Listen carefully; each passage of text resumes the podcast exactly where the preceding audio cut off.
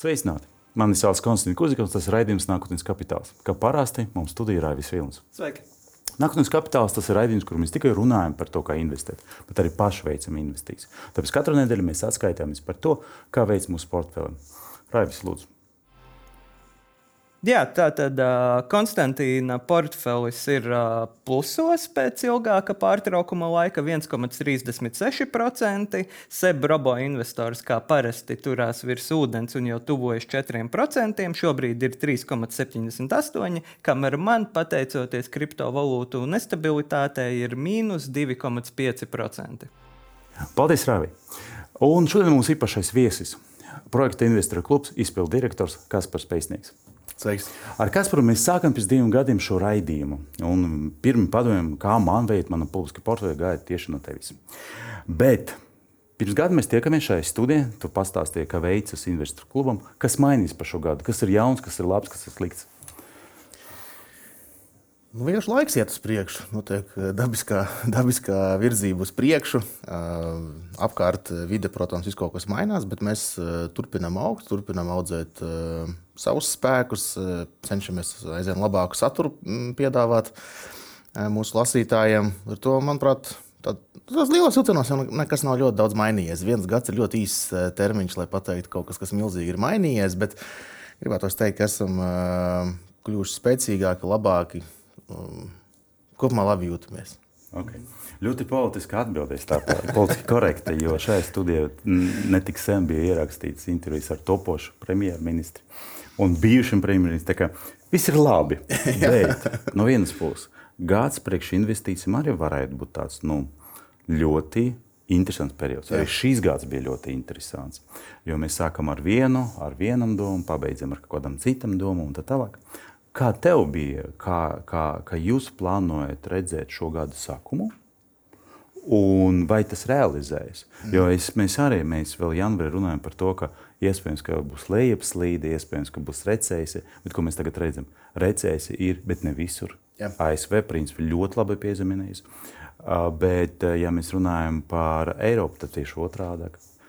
Daudz stāsta par to, ka Ķīna būs šīs gads galvenais tirgus kādu brīdi parādīs Japāna. Kādi bija tavi plāni un, mm. un, un jūsu projekta plāni? Un kā viņi realizējas?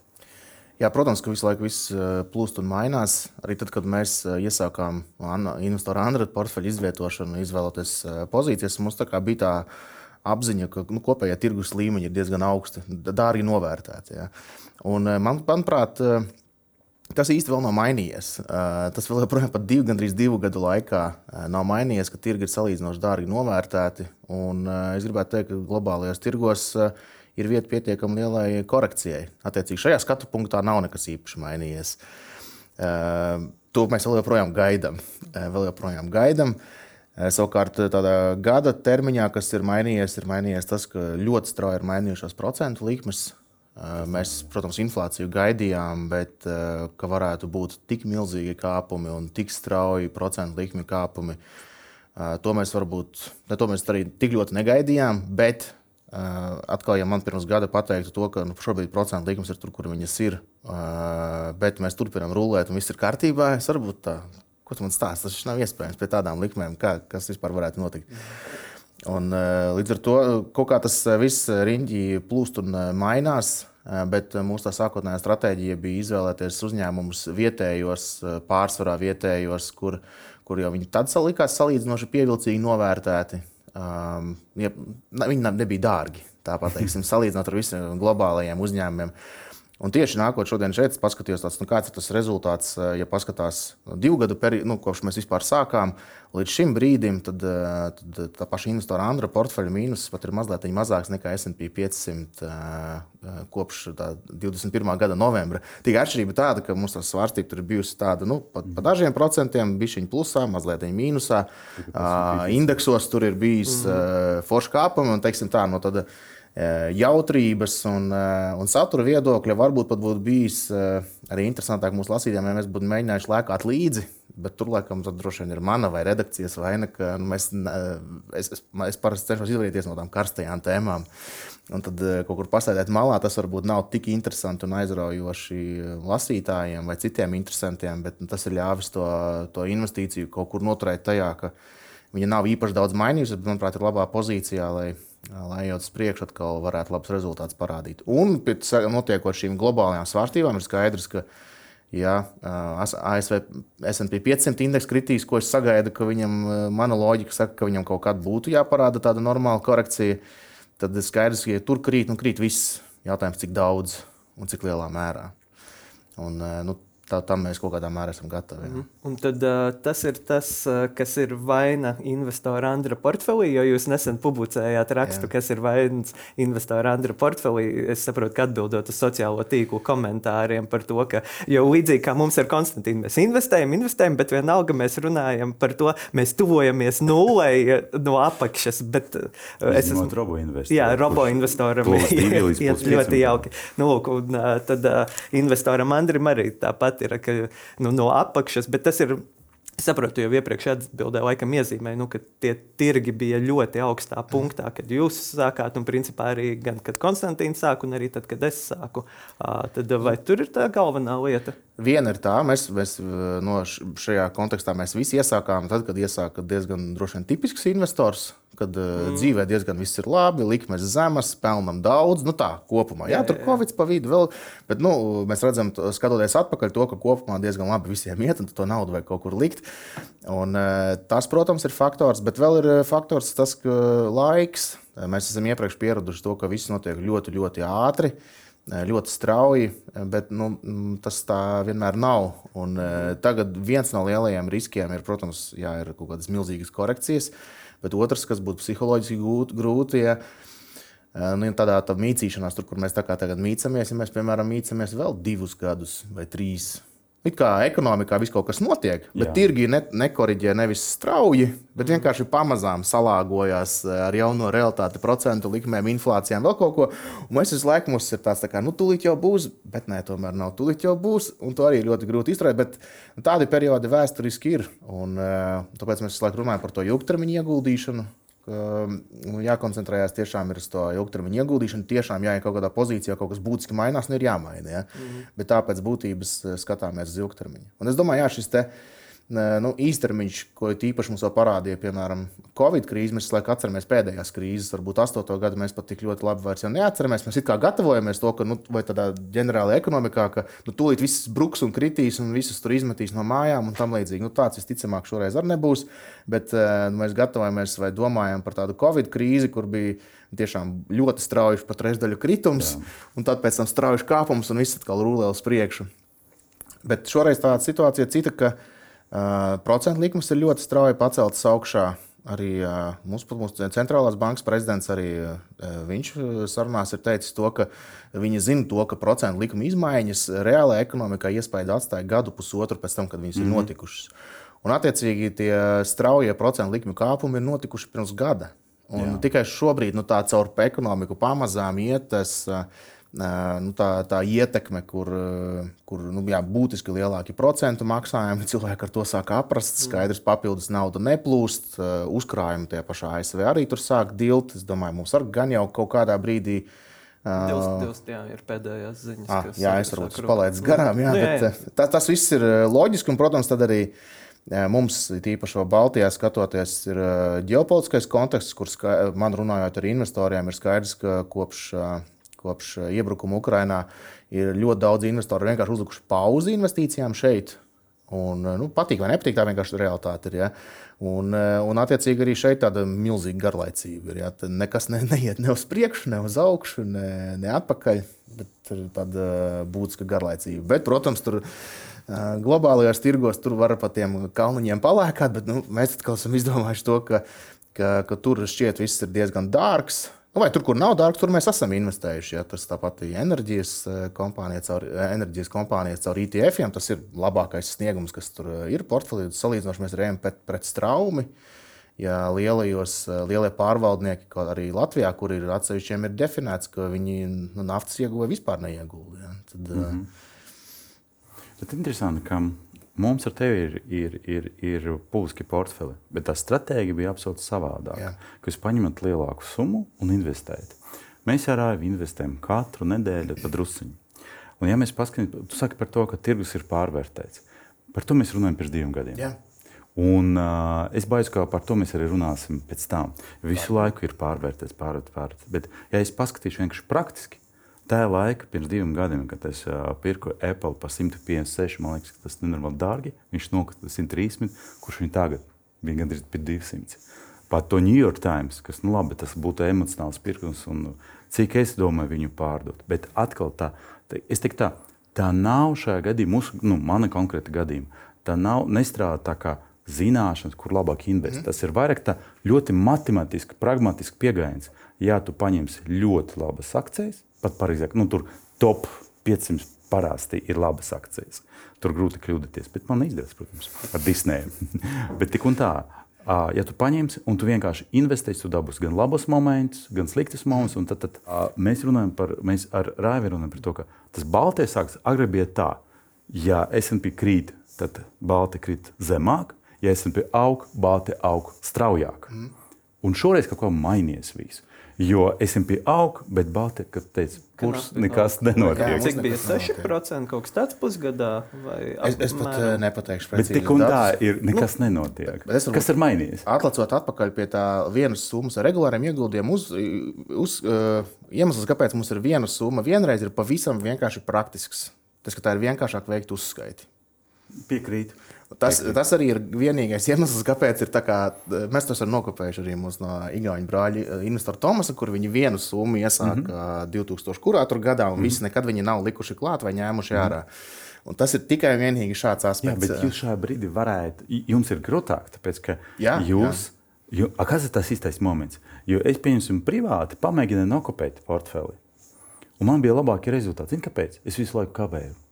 Ai, vajag, bet aizmirst, ai, un tad es skatos, tu jau paspēji nopirkt, ai, es nopirku vēl lētāk. Tu paspēji pārdot, es paturēju, izrādās, nav slikti.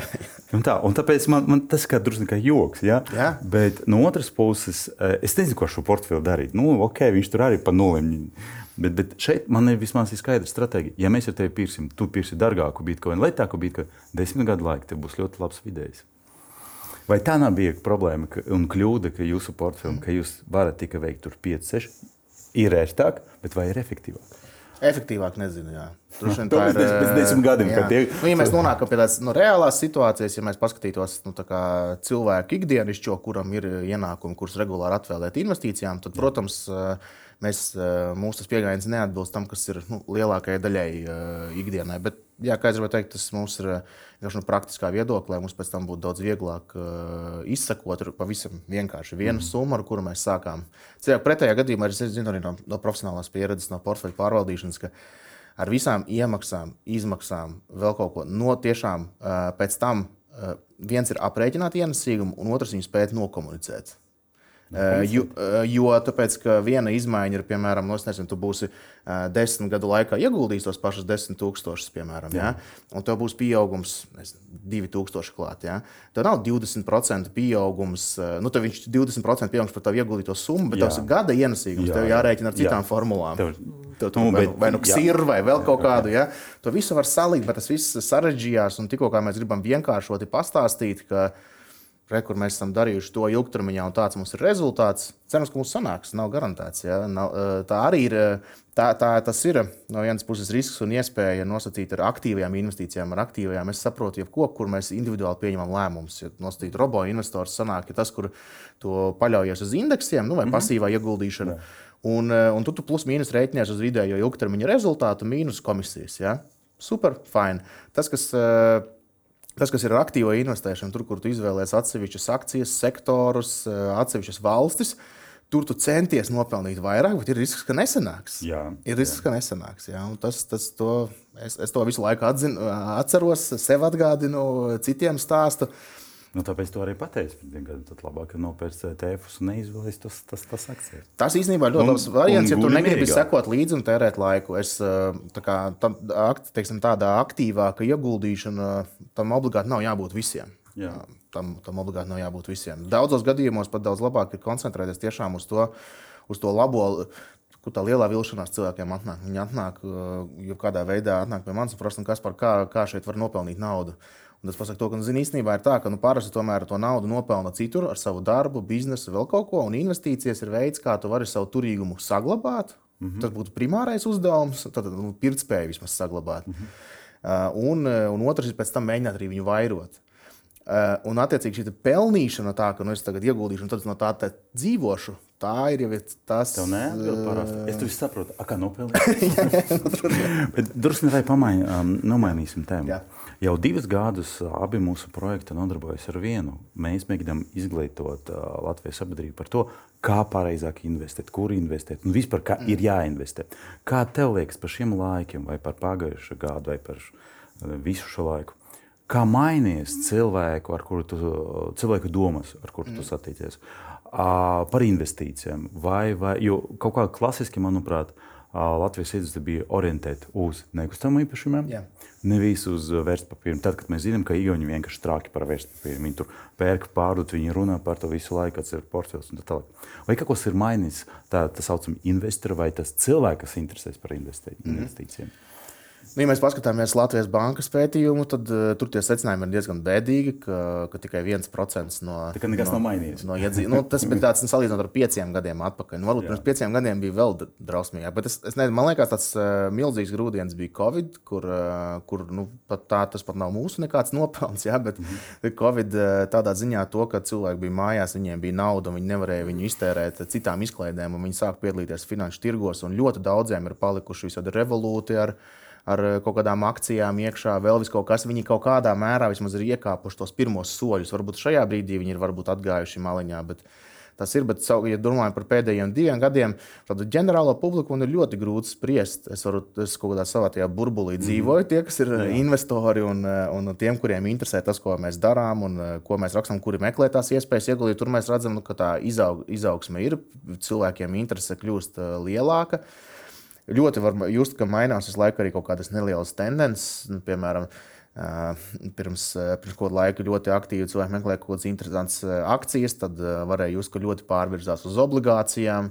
Uz fiksēto ienesīgumu. Tagad arī manā skatījumā krājuma obligācijas ir ļoti pievilcīgs mm. -hmm. instruments, kuru izmantot. Un, un es to nekautrējos arī gan, gan, gan rakstot, gan jebkur citur teikt, to, ka uh, ja tev ir brīva nauda un vajag kaut kur nosacīti noparkot, vai nav plāns eh, tuvākajam gadam, lūdzu, ja nekā drošāka nav. nav. Tā, tā Andrim nav. Jā, diemžēl nav, jo tur atkal, ja mēs runājam tādas eh, tehniskās detaļās, tad eh, Andra portfels ir uz fizi, nu, teiksim, tehniski viņš ir uz juridisku personu. Savukārt, krājuma obligācijas ir pieejamas tikai fiziskajai personai. Ah, okay. Un, jā, tur sanāk kaut kādas mums. Uh, tehniskas lietas, arī, kas, nu, kas vienkārši ir realitāte, bet to mēs parasti cenšamies nokomunicēt. Kaut vai mums nesens piemērs bija ar obligāciju, kur mēs viņu beigās nenopirkām, jo mums bija jāiziet tik, tik daudz cauri birokrātiem. Es sapratu, ka mani kolēģi sāk baidīties un negrib līdz galam visu kaut ko darīt, un, un tad mēs vienkārši to obligāciju nenopirkām. Un domāsim citus veidus, kā ieguldīt fiksētā ienesīguma instrumentos. Tas ir ļoti dīvaini mūsu laikmetā, tad, kad viss ir digitalizēts. Nu, tālāk, tomēr tas nav, dažreiz ne viss ir iespējams. Nu, Ziniet, kā tad, kad uh, ir jānonāk līdz tam, ka, piemēram, nopirkt obligāciju, viens ir kā privātai personai, bet otrs ir, piemēram, uz uzņēmumu. Uh, lai, lai bankā to visu izdarītu, kāda rīkojuma ir jāsniedz. Nu, kā kurā vietā citur atšķirās, citur tas ir vienkārši. Un, un pēc tam atkal atšķirās, kas kurā valstī ir pieejams. Un tad, kad nonāk līdz tai darīšanai, tur, tāpēc ar tās obligācijas mums nav pārāk populāras, jo tas ir tik sarežģīti, ir jābūt ļoti lielai vēlmei to izdarīt. Bet tad, kad tu atduries, jā, jā, jā, tur tās iespējas šobrīd diezgan interesantas ir parādījušās jā. pēdējā laikā. Un, runājot, Konstantīns pieskārās tam finanšu pratības jautājumam, netieša cerība tam, ka mūsu valsts kopējo finanšu pratību varētu pacelt tas, ka būtu vairāk uzņēmumi, kuri dodas biržā. Nu, tu noteikti arī esi sekojis un dzirdējis līdzi, ka valdība ka, nu, jau kārtējo reizi, nu, tagad mums jau būs jauna valdība, jā. bet nu, ņemot vērā, ka valdība Bet ņemot vērā, ka valdība vadīs tā pati partija, tad es pieņemu, ka virziens eh, plus-mínus eh, saglabāsies, ka ir tā vēlme kapitāla sabiedrības, gan pašvaldības, gan valsts vest biržā, jo nu, visi tie dati, kas tika publicēti tajā laikā, ir šokējoši. Mēs atpaliekam no Eiropas, mēs atpaliekam tur uh, tirgus kapitalizācijas ziņā no Igauniem, Lietuviešiem, cik septiņas reizes un tā tālāk. Mm. Nu, diezgan briesmīgi ir. Un ko tu domā par šo plānu, un uh, cik viņš izskatās reāls, un vai viņš varētu arī kaut kā palīdzēt, nu, tīri ne tikai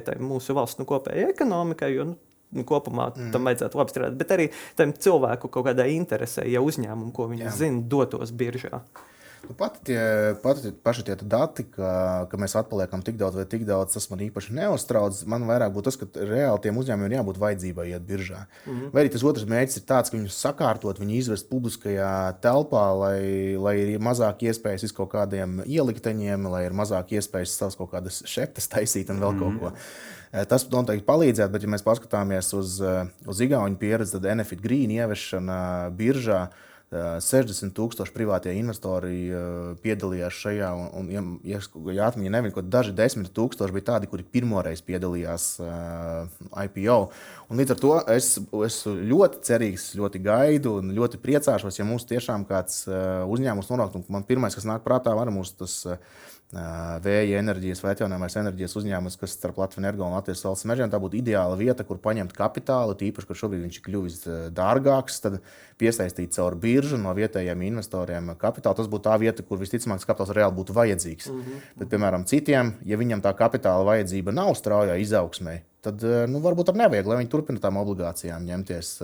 Bet, Es, protams, ļoti gaidu, jo skaidrs, ka tad, eh, tas būs eh, lieliski gan eh, mūsu biznesam, gan arī, gan arī tas ievedīs, es domāju, tūkstošiem jaunus investorus iekšā, iekšā biržās. Protams, ka mums pretī stāv tās visas vecās dogmas par privatizāciju un vēl kaut ko, bet vienmēr ir jāatgādina tas, ka runa iet par to, ka biržā palaist līdz 25% vai, vai, vai mm -hmm. kaut kādu tam līdzīgu daļu, kur valsts saglabā kontrolu paketi.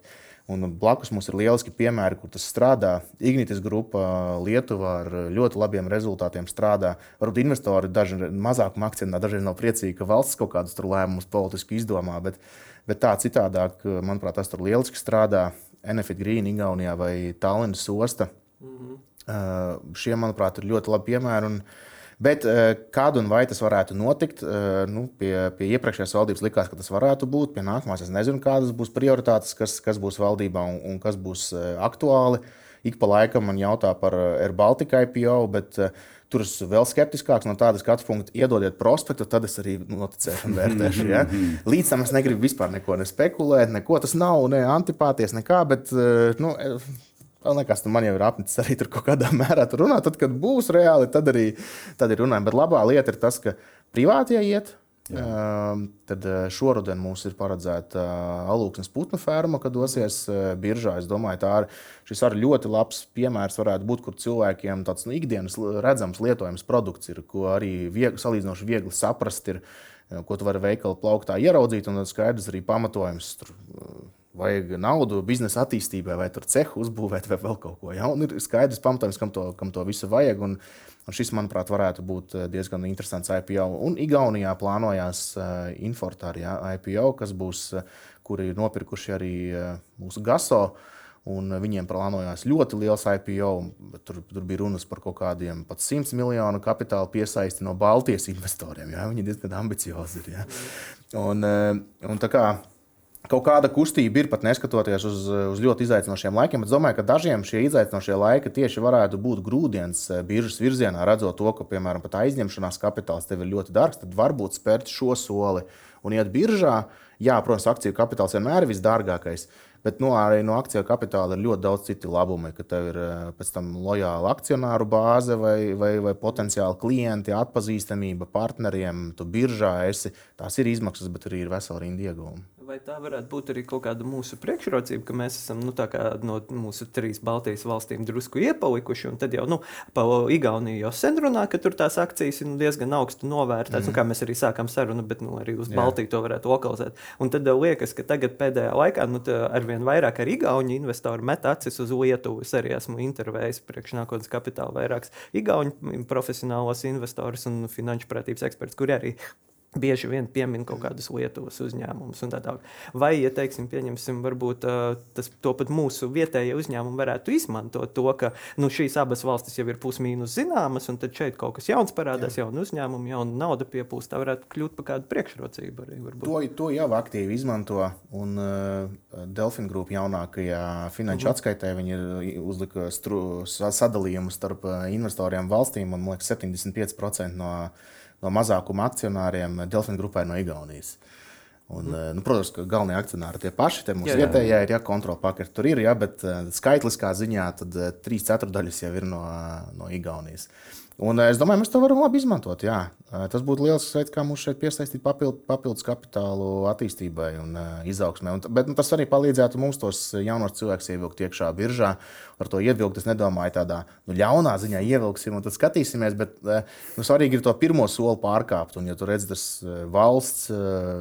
Teiksim, atjaunojamās enerģijas uzņēmums iet biržā, tad tur droši vien ir daudz lielāka pārliecība nekā uzticēties uh, Jānim, Andrim, Kasparam un vēl kaut kam, kuri tur uztaisījuši savu privāto. Man ļoti, var, ja tāda man neliela atkāpe bija. Man, uh, Vienā pasākumā mums bija no Enlight Research Matijas Valandera, un viņam bija jautājums par to, kā atšķirās uh, investori starp trijām Baltijas valstīm.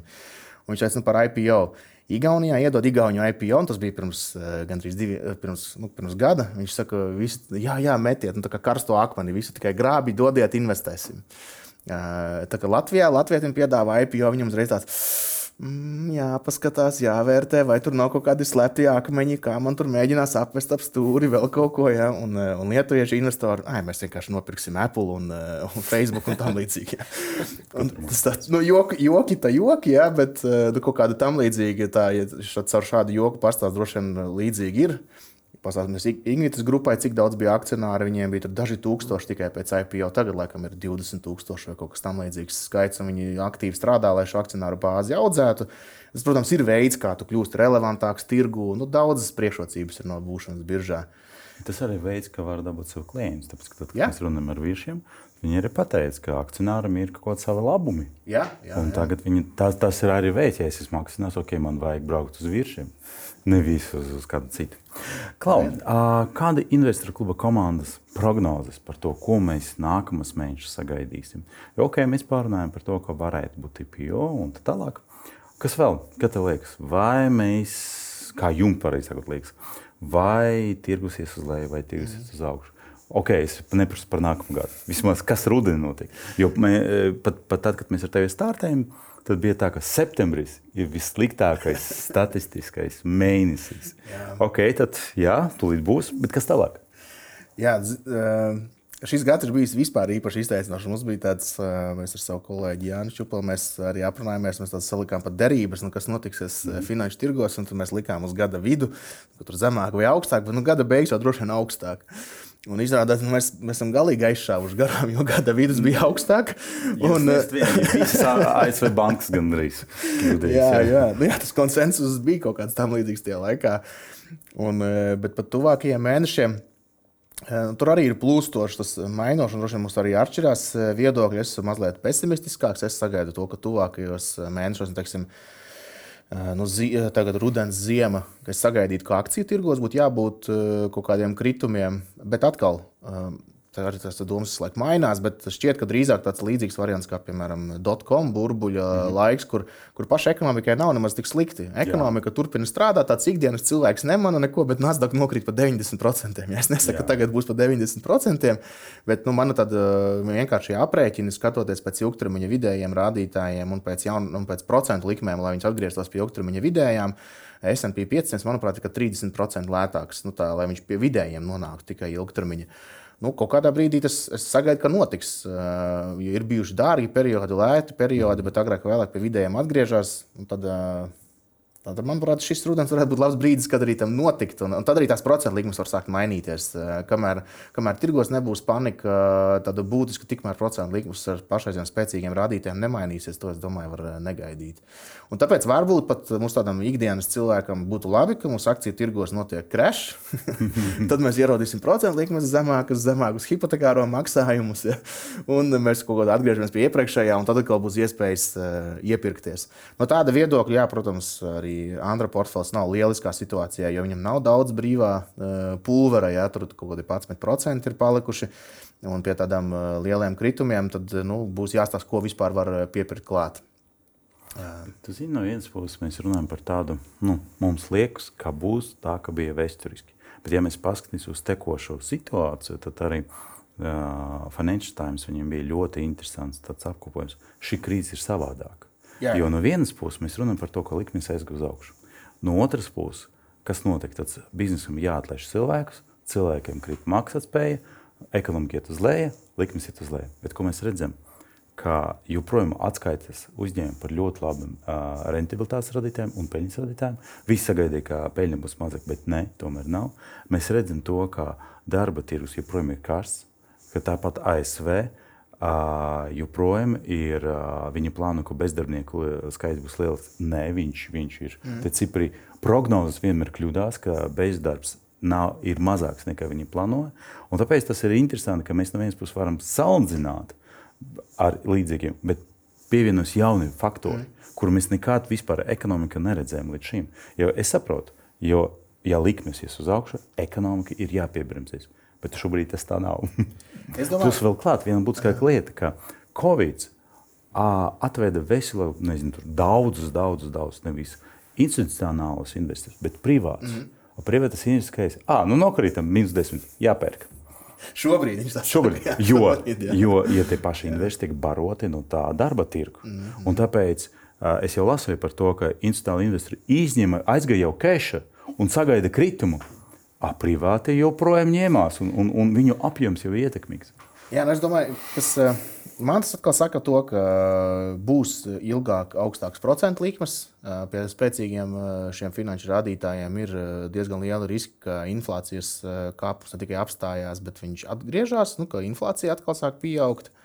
Un, un tas parāda, man tas liecina to, ka būs visticamāk procentu likmes augstas vai augstākas ilgāk. Mm -hmm.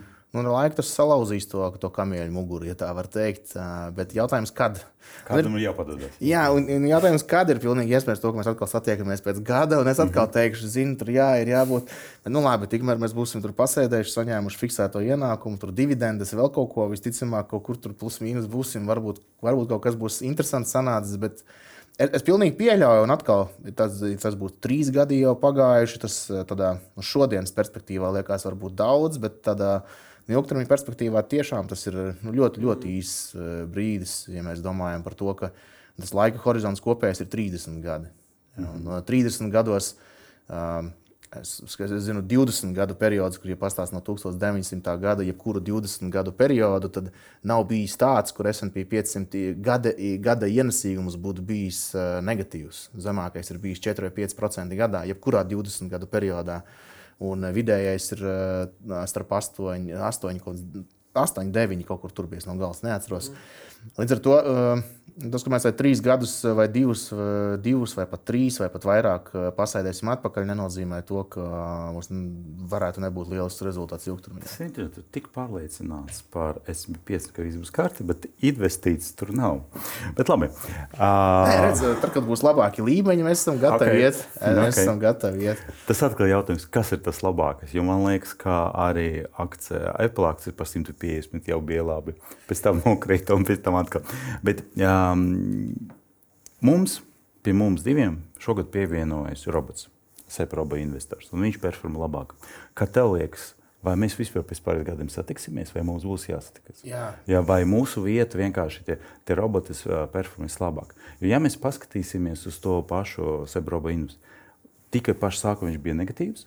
Visu šo periodu ar visām svārstībām viņš ir, ir, ir pozitīvs.